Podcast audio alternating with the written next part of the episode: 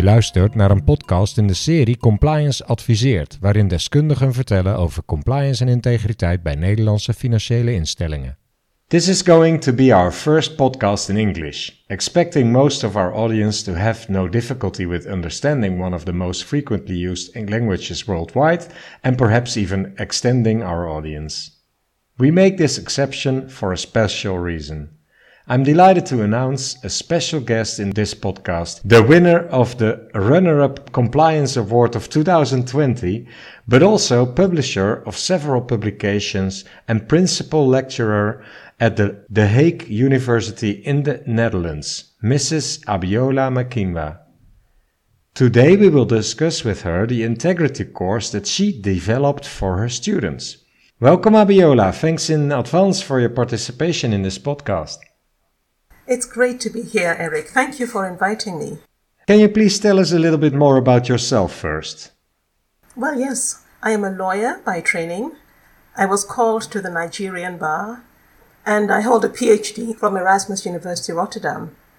I started out my career in Nigeria at the Lagos State University, where I rose to the rank of senior lecturer. And about 20 years ago, I moved to the Netherlands and I read another master's at Erasmus University. I lectured as a wetenschappelijk docent. And there I wrote my PhD on private remedies for corruption, which is my great interest. After my PhD, I joined the Hague University of Applied Sciences as a lecturer in commercial law, and I am now a Hogeschool or principal lecturer. And for how long are you working there now? I've been working there for about 10 years.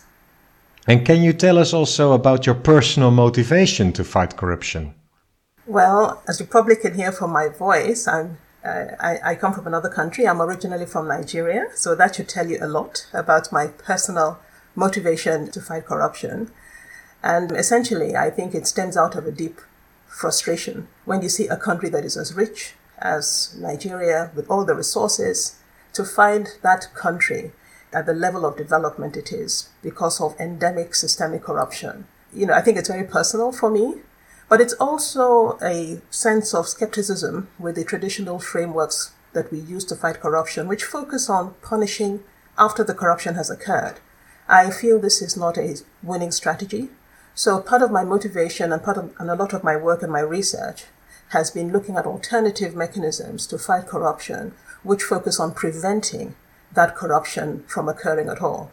I think that when we are taking strategies that prevent corruption from occurring, we have a better chance of breaking the corruption trap, the cycle where corruption, which is a cancer, um, once it has occurred, regardless of whether or not you catch the person who perpetrated the corruption and punish the person, that corruption has already started its work to undermine the political, social, and economic institutions of a country. So we need to stop it from occurring at all. And that's kind of my interest in the work I do, in my research, and also in my educational activities. What was it like for you to win the runner up compliance award of the Dutch Compliance Institute? I think it was a very welcome um, and very lovely acknowledgement of the work we're doing at the Hague University of Applied Sciences. Of course, you know, it's a group effort to set up a whole program, to set up a compliance minor, and also to set up the integrity digital learning module, which is actually why you and I are talking now. That was a spin off of the educational work we were, I was doing in um, the compliance minor. So it's really great that um, the compliance award was well, you won it, so congratulations to you. but it's really, it was really nice to receive the encouragement award, uh, which I think shows an appreciation of the work that we are doing at different levels. It's certainly shed a light on what we're doing, and that is very, very welcome. I agree, and I'm also very much in favor of the of the approach uh, with prevention instead of prosecution. I may say a few more words on prevention, you know, I think when we look at the systemic challenges that we have in the field of anti-corruption enforcement, a lot of the traditional approaches fall short and actually, surprisingly, encourage impunity as opposed to deter acts of corruption. So you look at the kind of grand scale corruption we're talking about in this field, and these are very complex transnational, multi layered, multi partied transactions in a digital age. So they are extremely complex. And this leads to profound information asymmetries. And there's a lack of capacity in most countries, even in the most developed countries, to be able to even detect how much more build a criminal case of proof beyond reasonable doubt that acts of corruption have occurred. So this information asymmetry that we that typifies the types of transactions that we find in grand scale corruption is, is systemic and it's something that very few countries have the capacity to tackle single handedly. Apart from that, you know, you look at the players. We're talking about the elites. We're talking about the multinational corporations. So there's a lack of political will to go against such influential corporations. You find that these are corporations with very deep pockets. So even if you go the traditional prosecution way, they can appeal and they can keep this case in courts for many, many years, even if there's the political will to prosecute in, in a robust way. So, as one of my friends told me when I was doing my research in the private remedies for corruption, he said, you know, Abby, you have to be realistic. That you, you know, what are you really talking about when it's when you go on about uh, punishing and anti-corruption and all of this? He says, look, look at it this way. Let us assume that there is even the capacity to discover that corruption has occurred in this type type of complex environment I have just described. Let us assume that that you know a case can be made and it, and it can be taken to court. What happens then? The case will spend about three, four, five years in the court of first instance. That is the first court that takes the matter. And if we lose, he's speaking on behalf of the corporation, we will simply appeal. And we have deep pockets. That will take another three years. If we lose the appeal, we can appeal to the Supreme Court, and that will take another two or three years. He said, So look, even if you could bring a case, it will take about 10 years before anything comes of it. Prevention will be more effective, probably, than prosecution. I understand. Yes, the transaction yes. has been long forgotten. But apart from that, um, Eric, you know, uh, very quickly, uh, another reason why I favor uh, prevention rather than cure is that when you're trying to punish the person who gave the bribe or who took the bribe. You leave out a very important aspect, and this is that a bribe is always a means to an end, it's never an end in itself. So you don't take the money out of the crime because the contracts uh, that result from the successful acts of giving and taking these bribes are very rarely touched by this criminal prosecution. Yeah, for 10 years they still were able to go on with uh, what they won with the corruption case. Precisely. Yeah. And when you and think about it, Eric, when you are punishing a corporation, who are you punishing? A corporation doesn't have a body to be kicked, it doesn't have a soul. No. So essentially, you're punishing the employees, you're punishing the shareholders, you're, plus, you're punishing the suppliers. So when we speak about punishment anyway, what does it even mean? Yeah. But Abiola, does your integrity course mainly focus on corruption or is it broader? Now, the integrity course itself is the answer to a question that I struggled with when I was designing the compliance minor, which focuses on anti bribery, anti money laundering, data protection, and privacy. So the students get all the knowledge they need. But the question I had is how much of this is being internalized?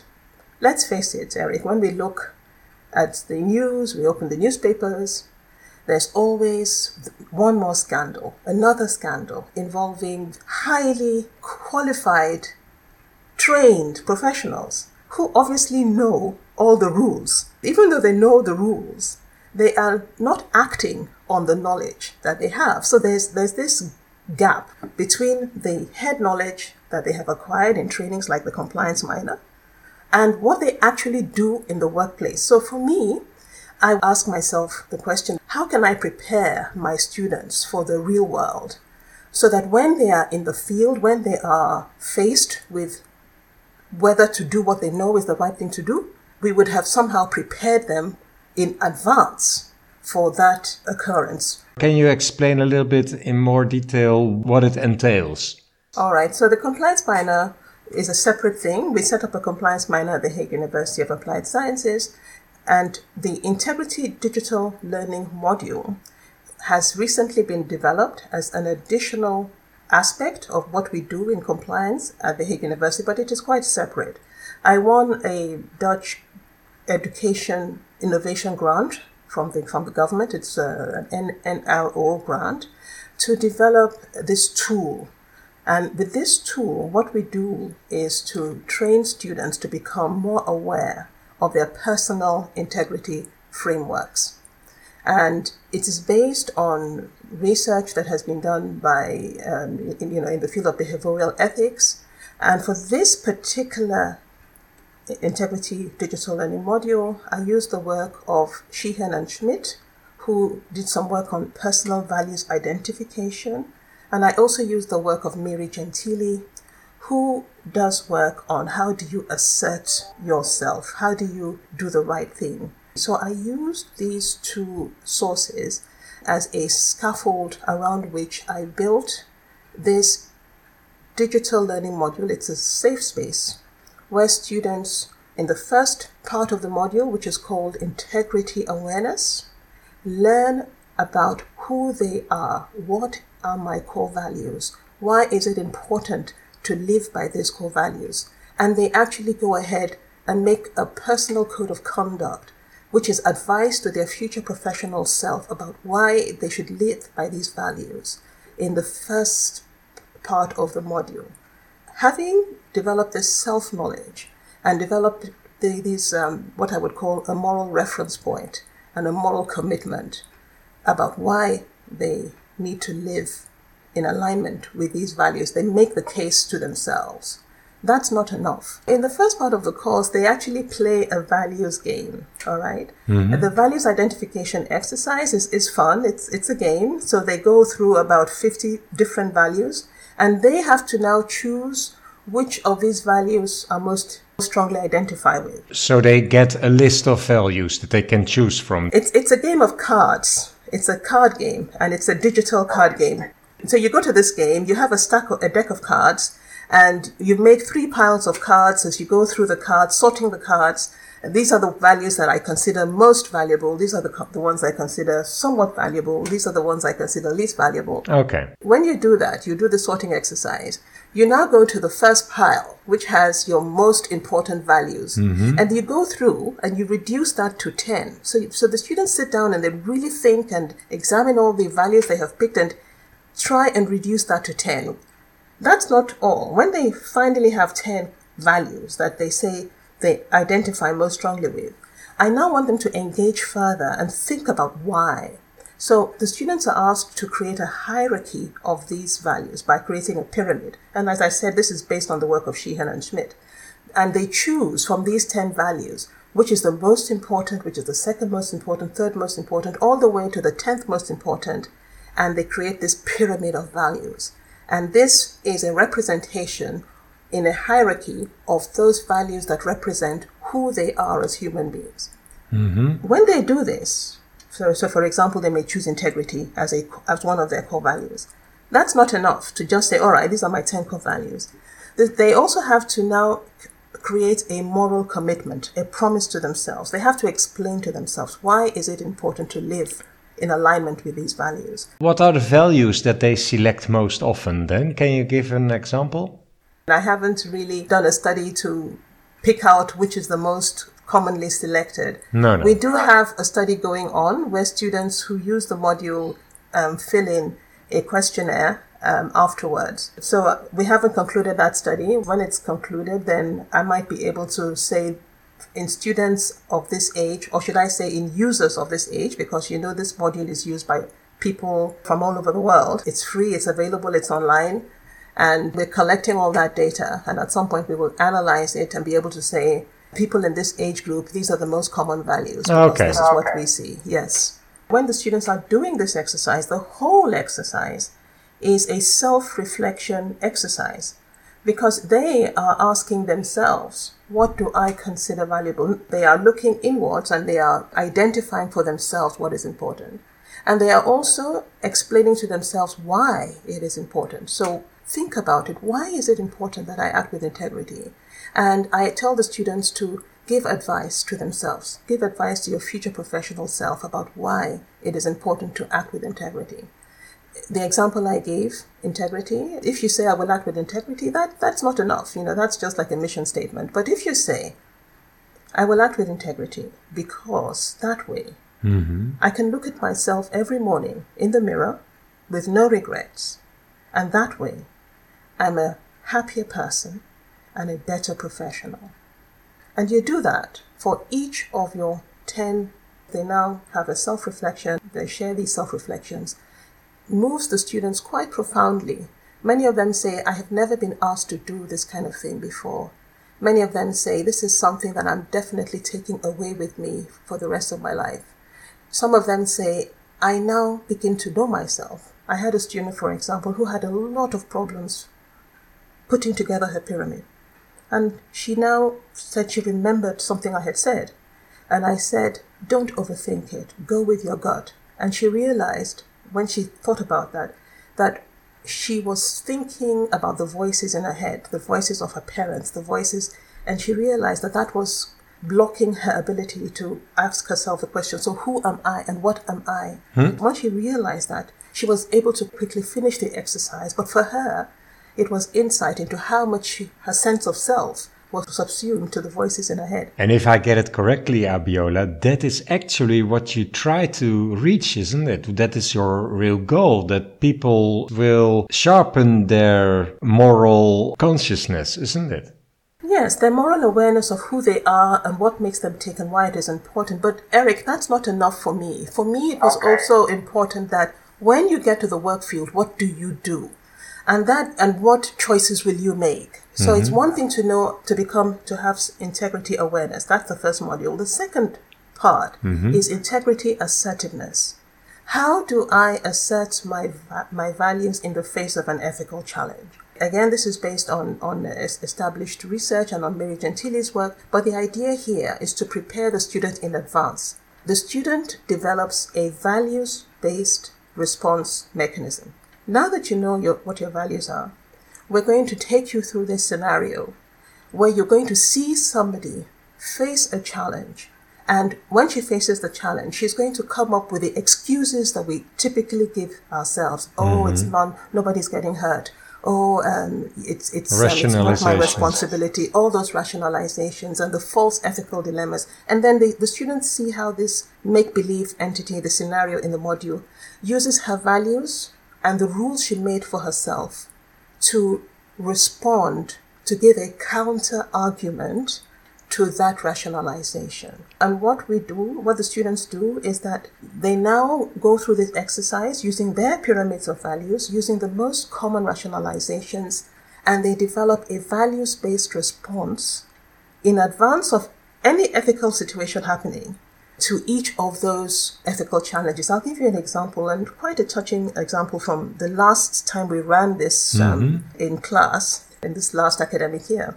So I was reading the self reflections of a student, and she said that very interestingly, when she was just completing the module, she ran into a situation at work where she was advised by her management to just ignore what the behavior of some of the colleagues. And she said that this behavior was impacting negatively on the rest of the team.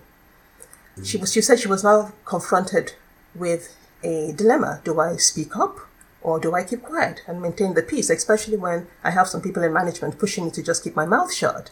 And she said because she had just done the integrity DLM, she felt that, you know what, I'm going to do what I think is the right thing to do. And even though I'm afraid of the consequences, possibly financial or otherwise, she went ahead and made a report.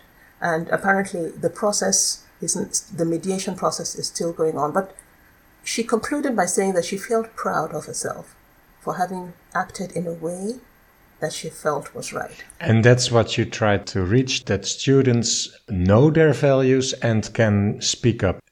Yes, and, and I think there's an element of rehearsal. She had already thought about this before Yes. the situation happened. Okay. She had already developed a whole argument in her head why it was important that she did this. So she wasn't taken unawares. She basically fell back on the training and she used it.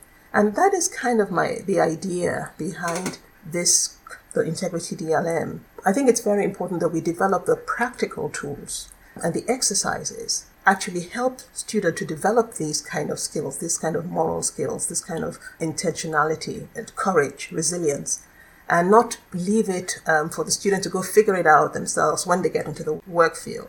And this second step, that is also done individually? Well, there are several individual and group exercises, you know, to, but essentially there are several steps to integrity awareness, and I'll just very quickly run through them. Mm-hmm. First of all, you've completed integrity awareness and you know who you are, you have a story about yourself. Mm-hmm. Your first step of integrity assertiveness is to develop an affirmation. What do you say to yourself when you are faced with a challenge? So the students actually sit down and write an affirmation.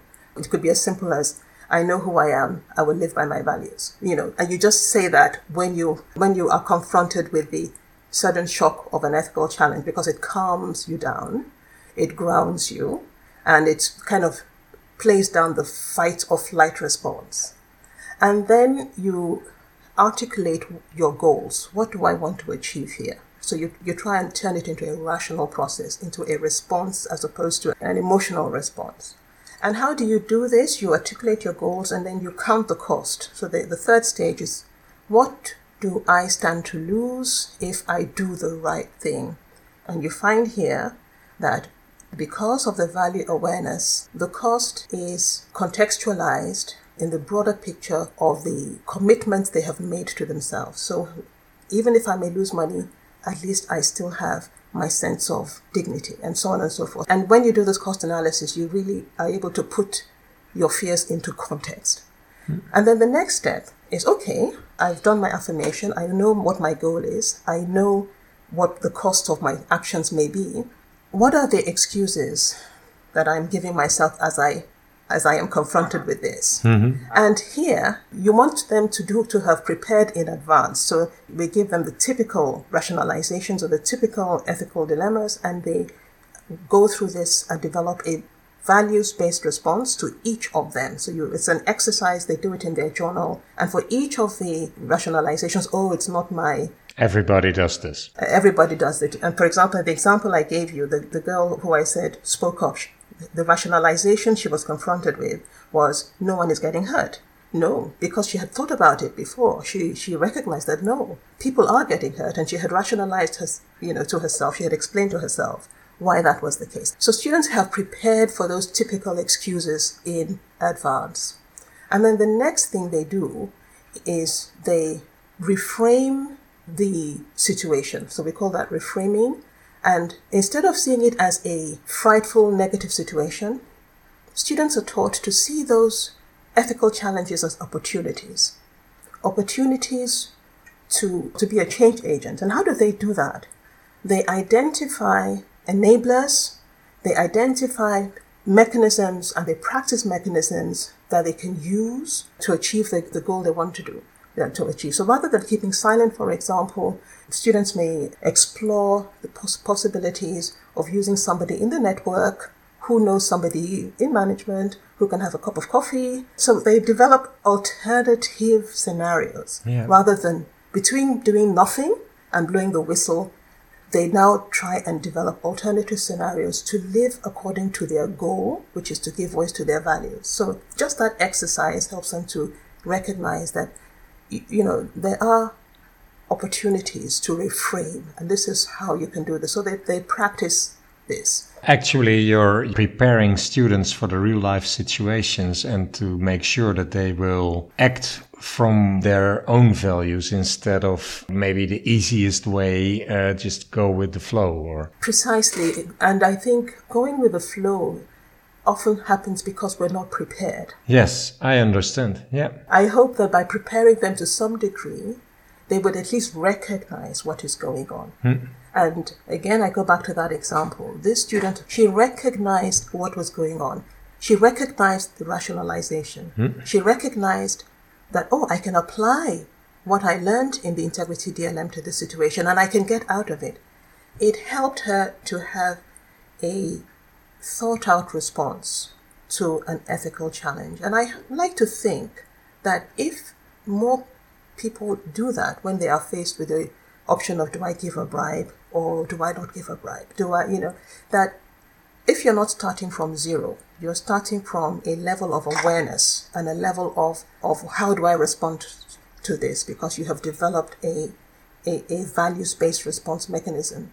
Your ultimate action, I hope, will be more reflective of this training. So you, you become more resilient yep. because you're not going in cold. I can imagine that in theory at least it should work preventive. Those are the two competences that students develop. The first competence and the first module is called integrity awareness. Mm-hmm. The second competence is integrity assertiveness. If listeners to this podcast want to use it themselves, integritydlm.net it's a completely free tool. All they have to do is to have a computer and have about three or four hours. Okay. if they really want to go through all the exercises, they can do as little as they want or as much as they want. What I see is that a lot of people just like to play the game.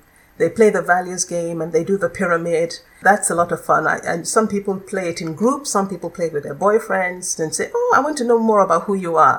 so you can do it at that level, or you can nice. go the whole. You can go the whole way and do the entire two modules. And um, I, I think, from what I see of the people who have used it and the feedback and the self reflections that the students share, I've also done it with uh, professionals in workshops. I've done it with um, for different purposes, for example, when you're talking about inclusiveness, diversity, interculturality, victims of trauma, you can use it in so many different ways because you are getting people to share their stories, to think about who they are, to think about what they are yeah. in a safe space, in a respectful space. So even when the students are talking to each other, for example, sometimes they, sh- they compare their pyramids or they create a group pyramid, which is also another very interesting exercise because we want students to recognize the fact that it is inevitable that you will have clashes of norms and values. Mm. On my street, at my work, I am moving from one framework of values into another. And there will be inevitable clashes. And we want them not to be surprised when this happens. So, one of the exercises in the Integrity DLM is a group exercise where, in a group, they sit down and they create a group pyramid of values. What does that mean? It means that you're not thinking about yourself. You are thinking about what is best for the optimal functioning of this group. And that is the criteria by which they build a pyramid. Mm-hmm. And what is very interesting is that uh, I, I, once did this with a group of professionals, and one of them came to me and said, um, Dr. Makinwa, do you know, I'm very surprised. He said, I've worked with these people for more than 10 years, but in the group pyramid, only one of my personal values showed up in the group pyramid. and he, he, he, was very surprised. And I said, All right, how does that make you feel? Uh-huh. He, he, he said, Well, I have to go and think about it. That's how you bring it to life. The fact that we live in a normatively complex, diverse, plural society. And when you anticipate and understand the different layers of values and norms that you're moving through in your organization that has its own culture at your work, at your, your home, in the street, in your community, you are, you are better able to recognize and manage and accept and understand that just as when you were building the group pyramid, you had to give up some of your own personal values to build that group pyramid. It's horse trading. So everybody builds a group pyramid, and that's how our societies are. You don't choose your society. Uh, I mean, well, I mean, when I say you don't choose who is in the society, you live with whoever is in that society. Everybody with their own different values and norms. So we have to arrive at a at a happy mean. So this exercise of building a group pyramid where you move from me to us is a very my students find that a very almost confrontational exercise. But then at the end of it, they value the fact that they've been able to talk to each other about why a particular value is important yeah. um, for them to work as a group. And that it doesn't matter. I mean, they understand why their own personal pyramids may not be exactly the same as the pyramid of the group, but they have a better, a better appreciation of of this normative frames yes. and how to deal with them, I think, when they do these exercises. How does this work out in the compliance work? Maybe we can combine this question with what is your most important piece of advice to compliance officers on how to make co workers become more integrity aware? Well, I think, Eric, the compliance sector, as we all know, has really exploded. And this has its pros and its cons. I think the biggest con is our tendency to generalize, our tendency to want to look for objective standards, you know, best practices that we can just adopt and so on. And I think that there's a danger in this because bridging the gap between what we say and what we do requires more than just extrinsic uh, pro checkboxing uh, attitudes. We need to go deeper. And I liked always to reference the comments of Hui Chen, you know, who wrote the original evaluation of compliance programs uh, guide in 2017. And she, I think, put it very nicely when she was speaking about the expectations of prosecutors when they are looking at compliance programs in the new 2020 US guidelines last year. And she said that they are looking for thoughtful interventions. I really like that word mm-hmm. thoughtful interventions yes. that focus on prevention and that influence the behavior and the choices of employees.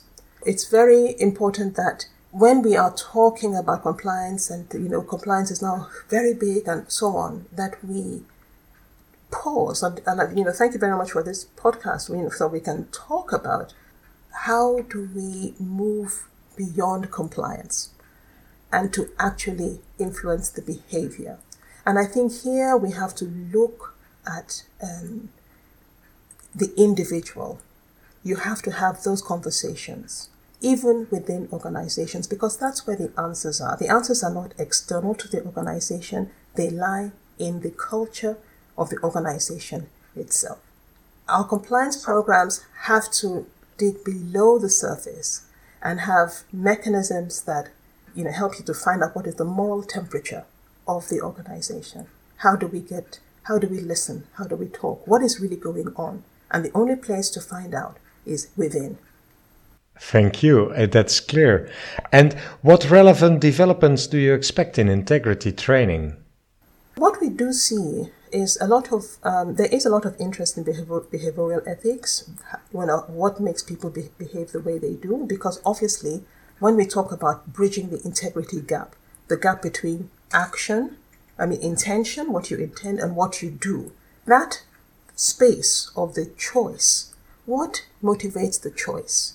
And I think whether it is in education, how can we influence the choice, or whether it is in the compliance uh, um, training, or whether it is in research, that is a very important question because if we can answer that, then we can develop the tools that can encourage that. Yep. You asked at the beginning of this podcast how many students choose this and choose that. And it's a very good question.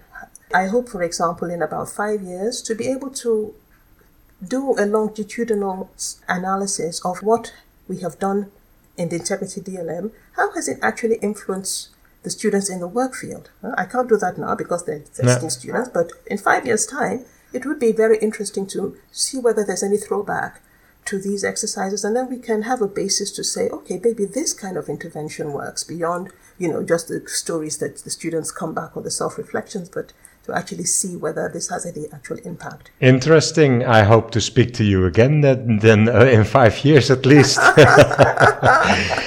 we have come to the end of the podcast. I want to thank you very much for your participation in this podcast, and I wish you all the best for the future with the the course and the results of it in uh, in the near future.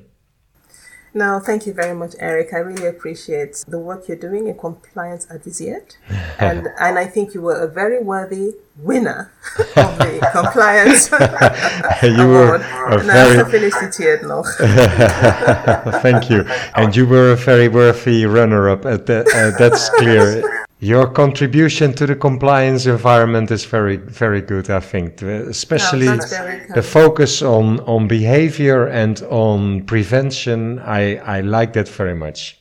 So, with corruption, prevention is always better than cure. Always. That's a good end of this podcast. Thank you very much. Veel dank, Eric. Okay, thank you. Dank dat je luisterde naar Compliance Adviseert. Heb je met plezier geluisterd? Volg dan op LinkedIn de pagina van Compliance Adviseert.